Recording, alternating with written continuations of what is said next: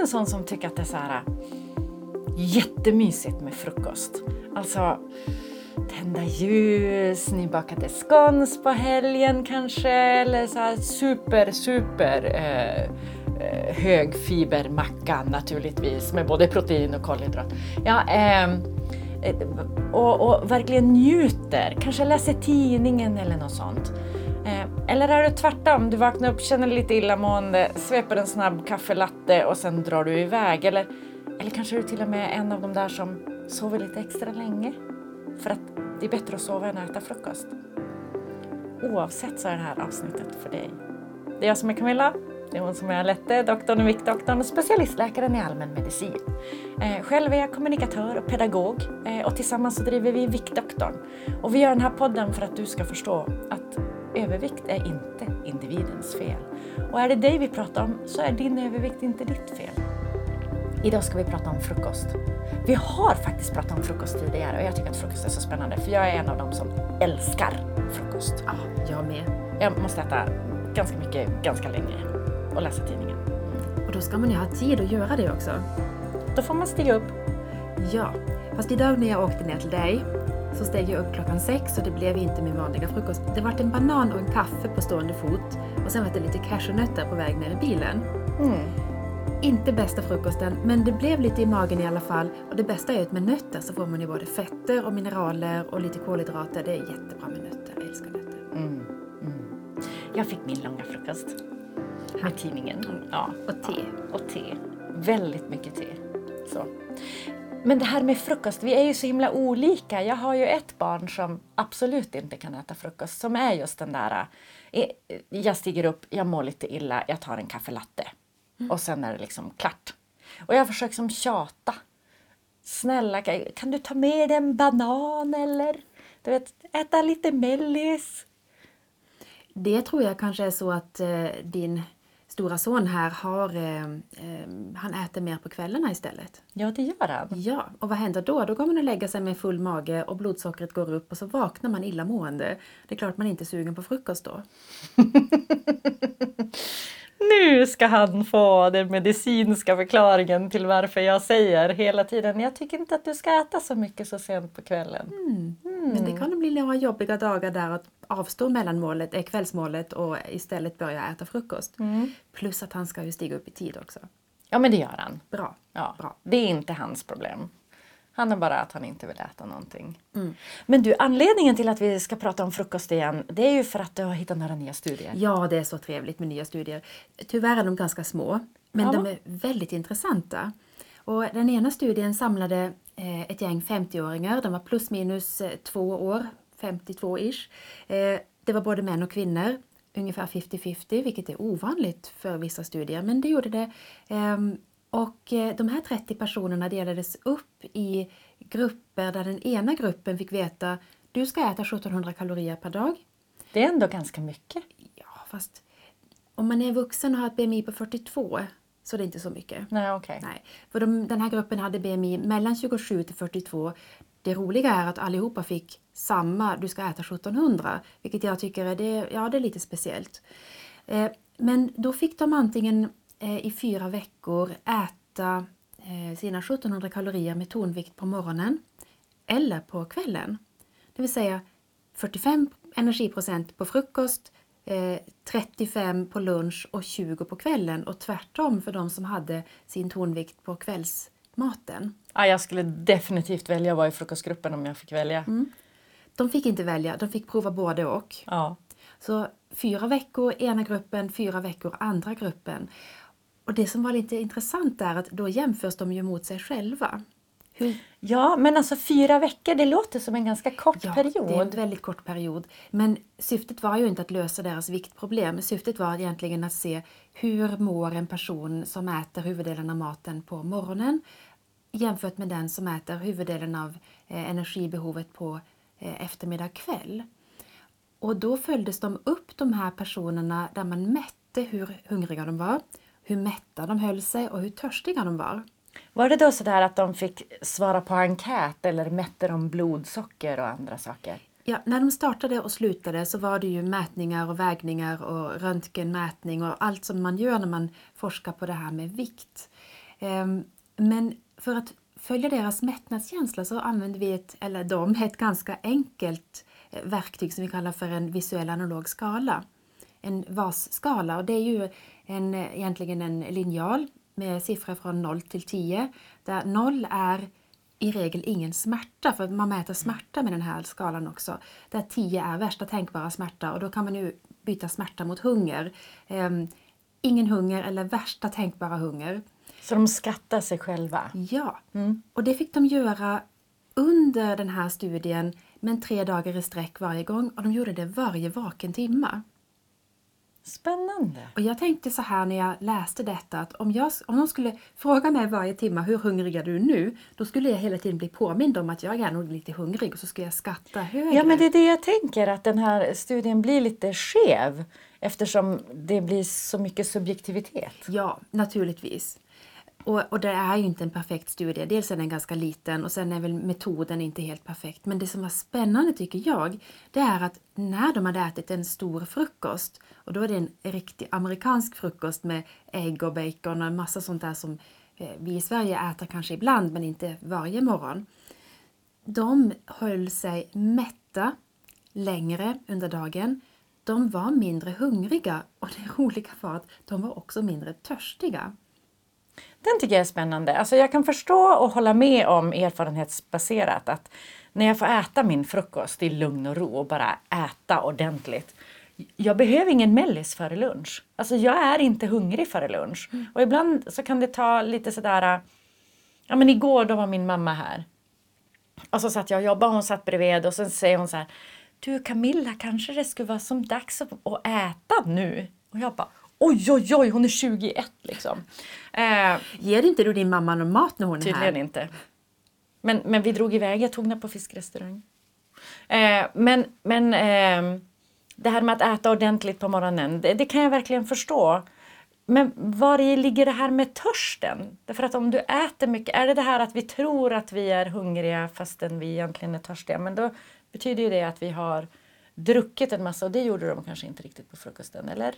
Jag vet inte. Ah, ah.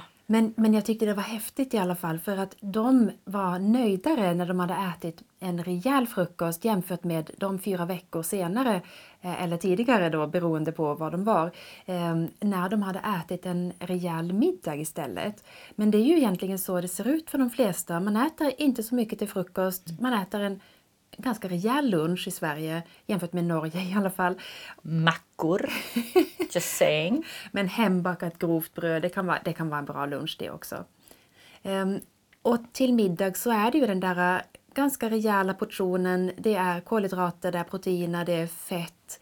Eh, somliga tar ju också ett glas vin till maten, även på vardagskvällar. Ja, ja, särskilt i, i Europa. Mm. Frankrike till exempel och då är det väldigt sena middagar också för de jobbar ju helt hysteriska tider. Ja, så det blir mycket kalorier på kvällarna för, för ganska många. Plus att man kanske också har gått och varit sådär lite sugen på dagen och sen så innan sänggåendet så är man lite extra sugen och så slinkar det ner en massa eh, bröd eller snacks eller man gör en skåprensning på det godis man hittar. Eller så gör man som jag gjorde ganska många gånger, Ostmackor! Ja, ostmackorna. Men det går faktiskt att göra chokladbollar ja, utan att bolla dem. Det vill mm. säga, man blandar smör, havregryn och kakao och så bara äter man det med sked. Alltså, det, det, hände att jag gjorde det när jag var barn, men inte i vuxen ålder. Men min inre treåring blev aldrig vuxen. Och om du nu inte har hängt med i svängarna så är den inre treåringen alltså din överlevnadshjärna som, som säger åt dig att nu ska du äta upp dig för det har dina gener bestämt och om du inte gör det så kommer du nog att dö. Och jag är ju energieffektiv till generna. Och eh, jag har faktiskt bestämt mig för att nu när jag har läst den här studien och vill hålla mig mätt under dagen, jag ska äta mer till frukost. För jag vill fylla på depåerna av proteiner, av fett, av kolhydrater och naturligtvis även av vätska redan på morgonen. Och, och jag tänker mig så här att den som inte gillar bacon och, och ägg kan ju faktiskt äta en skål med yoghurt och sen toppa det med nötter. Mm. Eller ta en äggmacka. Eller, eller kvarg. Kvarg är gott. Kvarg är gott. Skinka, lax. Finns... Skir. Makrill är bra. Där finns det proteiner och det finns fett. Det är inte alla som gillar makrill men det är Nej. väldigt nyttigt. Väldigt stark smak. Faktiskt. Kanske inte på morgonen för mig. Okej. Okej. Och det som var så häftigt var ju att när jag hade läst den här studien så hittade jag en länk till en annan studie som var inne på samma spår. Där man faktiskt också tittar på frukostens betydelse för, för dygnsrytmen. Ja! Jag tänker att eftersom vi ändå vill vara vakna och alerta och, och aktiva under dagarna, att, att börja med en ordentlig energipåfyllning borde ju faktiskt rent logiskt vara det optimala. Ja, så gör faktiskt älgar också. Ja men det är faktiskt sant. Man har, man har i studier på älgar sett att de äter mestadels kolhydrater när de har vaknat. Liksom bara, nu mumsar vi på här så vi kan fylla på våra lager. Absolut, vi jämför oss med älgar.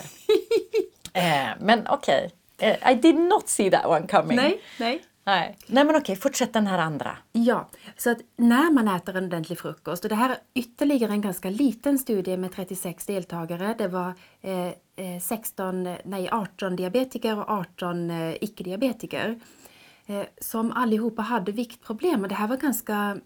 ehm, det var en, en, en persongrupp som var cirka 65 till 70 år gamla, så de var lite äldre än förra studien.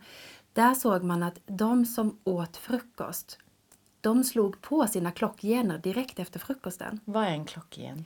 Klockgener är det som finns i alla kroppens celler som bidrar till att vi håller vår dygnsrytm. Så inte bara är det jättebra att gå ut en promenad så fort ljuset har kommit på morgonen, vilket ju blir långsammare och långsammare. Jag är inte särskilt nöjd över det. Men ut och få ljus men också äta tidigt för att säga nu är det dag. Ja, för att ge den här tydliga signalen till kroppen. Nu har vi ätit och vi har inte bara ätit en, en eh, kaffe latte med, med lite kolhydrater i, i mjölken. Vi har, vi har ätit proteiner, vi har ätit fett, vi kanske har valt, valt att äta kolhydrater. Det är en signal till kroppen som säger att nu har vi vaknat, nu har vi fått i oss näring, nu kan vi göra andra saker. Men det som är spännande är ju då att när man då såg på de personer som åt första måltiden vid lunch så tänkte man sig att ja men då klämmer klockgenerna igång. Nej, det var irreparabelt. Man var tvungen att äta sin frukost för att få det här systemet att funka optimalt. Men det här är jättespännande. Därför att det betyder ju att om man har problem med sömnen så kan man på något sätt reglera det genom att börja äta på ett annat sätt. Ja. Regelbundna måltider är jätteviktigt för den som har svårt att sova. Och den som har svårt att sova och kanske rent av går upp och äter på natten, det blir en annan podd. Ja. Men, men det, då förstör man ännu mer sin dygnsrytm. Man kan väl säga som minionerna. Kevin, Kevin, Kevin. Ja, nu är det jag som inte såg that coming. Ja, okej. Jag älskar minionerna! Alltså jag älskar dem. Jag kan se trailern och bara... Alltså jag skrattar så jag gråter. Nu börjar jag skratta för jag tänker på den. Okej, har ni inte sett den filmen? Vi får ingen kickback, men se minionerna. Åh, det är ett lyckopiller. Ja, okej. Sorry.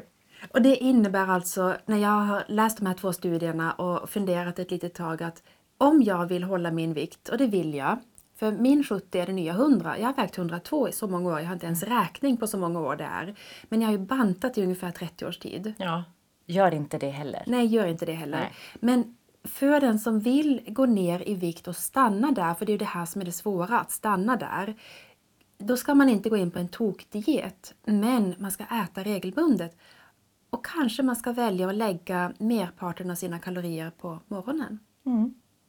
Mycket spännande i alla fall. Eh, Det är eh, forskningsbaserat så att känner du att du blir lite intresserad, du som tittar eller lyssnar, eh, prova! Se om det funkar för dig. Om du känner dig nöjdare under dagen, om det gör att du sover bättre. För sover du bättre, då mår du bättre. Och äter du bättre så mår du bättre. Tänk Ja, hälsosamt båda delarna. precis. Och kemimagistern, Mm.